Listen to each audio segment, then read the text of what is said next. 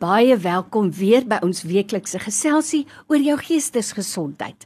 Ek nooi 'n verhoudingskenner, 'n kliniese en pastorale terapeut om weekliks met ons te kom gesels oor vrae wat jou pla. En ons glo en vertrou aan die einde gaan jy ook sê, ek kies lewe. So dokter Franso Swart by my in die ateljee vandag weer baie welkom. Rein, dankie dat ek hier by jou kan wees en hallo aan al die luisteraars.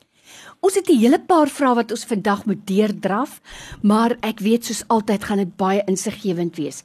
'n Persoon vra: "Hoe oortuig ek 'n familielid om nie medikasie te staak vir 'n psigiese siekte soos byvoorbeeld skizofrenie nie?" Die persoon sê die medikasie laat haar soos 'n zombie voel. En dan sê iemand anders: "Ek is so moedeloos en hartseer en ek sien nie kans vir die toekoms nie. Soms voel dit vir my Ek wil 'n einde aan alles maak. Gemoedstoringe en ek sien dit elke liewe dag. Waar begin 'n mens? Ja, Lorraine, dankie vir die vraag. Mens kan sommer hoor aan die vraag dat ons luisteraars is is moedeloos. Kom ons begin uh, met die eerste. Hoe oortuig ek 'n familielid om nie medikasie te staak veral as hy uh sukkel met sy gemoed en veral skizofrenie nie? Dit is baie belangrik uh dat 'n mens hom hoor want hy hy hy sê dit om 'n rede want hy voel soos 'n zombie. Ons moet verstaan dat baie van hierdie psigiatriese medikasie het neeweffekte.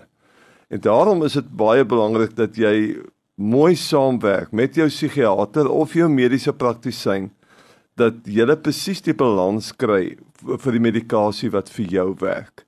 Die idee is nie om jou slegter te laat voel met die medikasie nie. Die idee is om vir jou te help. Dit is waarvoor ons mediese mense daar is. Hulle wil ons lewenskwaliteit verbeter en hulle het 'n diens om te lewer. Dis as jy sukkel met jou medikasie, ons moet onthou dit vat baie keer 4 tot 6 weke voordat die medikasie inslot. En wat ons luisteraars baie keer doen wat worstel met hierdie soort van geestesgesondheid en medikasie wat ons gebruik. Die oomblik as ons beter voel, dan dink ons ag maar nou het ek nie meer die medikasie nodig nie. Ek is ek is alright. En dis net daar waar jy die fout maak. 'n Mens moet altyd 'n noue samewerking met jou mediese praktisyn praat oor jou medikasie, gaan sien hom gereeld. Dis goed so elke 6 weke of een keer in 3 maande en dat jy saam praat oor die uitwerking van die medikasie. Die vraag wat ons gehoor het, ek is so moedeloos en hartseer. Ek sien nie kans vir die toekoms nie. Soms voel dit vir my ek wil 'n einde aan alles maak. Dit is 'n baie moedelose persoon. Dis 'n kreet wat ons hier hoor. En veral met 2020 met die koronavirus, die COVID-19 eh, epidemie en uh, pandemie eintlik het ons mense baie moedeloos geword. Ons weet daar's geweldige 'n klomp mense wat nie werk het nie. Mense wat wat net skielik nie weet hoe hulle die toekoms kan tegemoet gaan nie. Dit is natuurlik tekenend van 'n uh, depressiewe gemoed. Dis 'n gemoed wat besig is om te struikel onder al die druk en al die swaar wat ons op die oomblik ook in die land ekonomies ervaar, ook in siekte, ook in verlies, mense wat ons dalk verloor het ook met die koronavirus. Daar kan baie redes wees.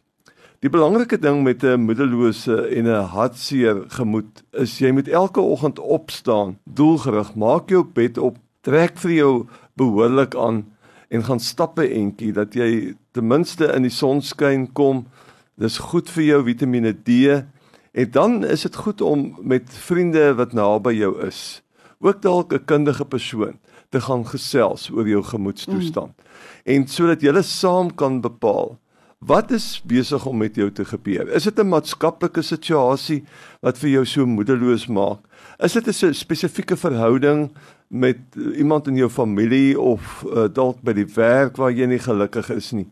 Uh, het jy dalk 'n onderliggende gesondheidsbeeld waarna ons moet kyk wat vir jou moeg maak en dat jy nie goed slaap nie? En dit is natuurlik die laaste ding wat ek wil by uh, aansluit is dat ehm um, hoe slaap jy? Want as ons nie lekker slaap nie en ons weet meer as 55% van ons bevolking sukkel met slaapstoornisse.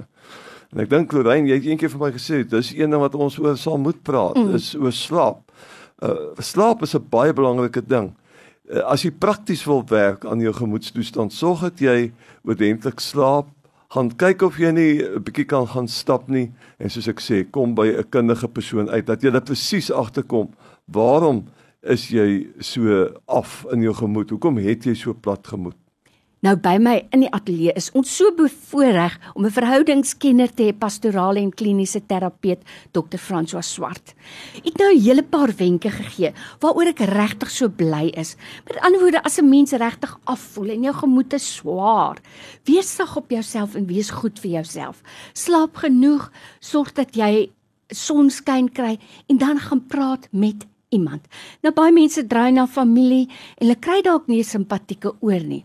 Ek dink een van die redes is ons as Christene is bietjie krities op 'n ou wie se gemoed af is. En ons sê dit beteken eintlik jy het nie geloof nie, want dit is iets wat ek kan sien, soos 'n arm of 'n been wat beseer is of 'n blinde darm wat uitgehaal is nie.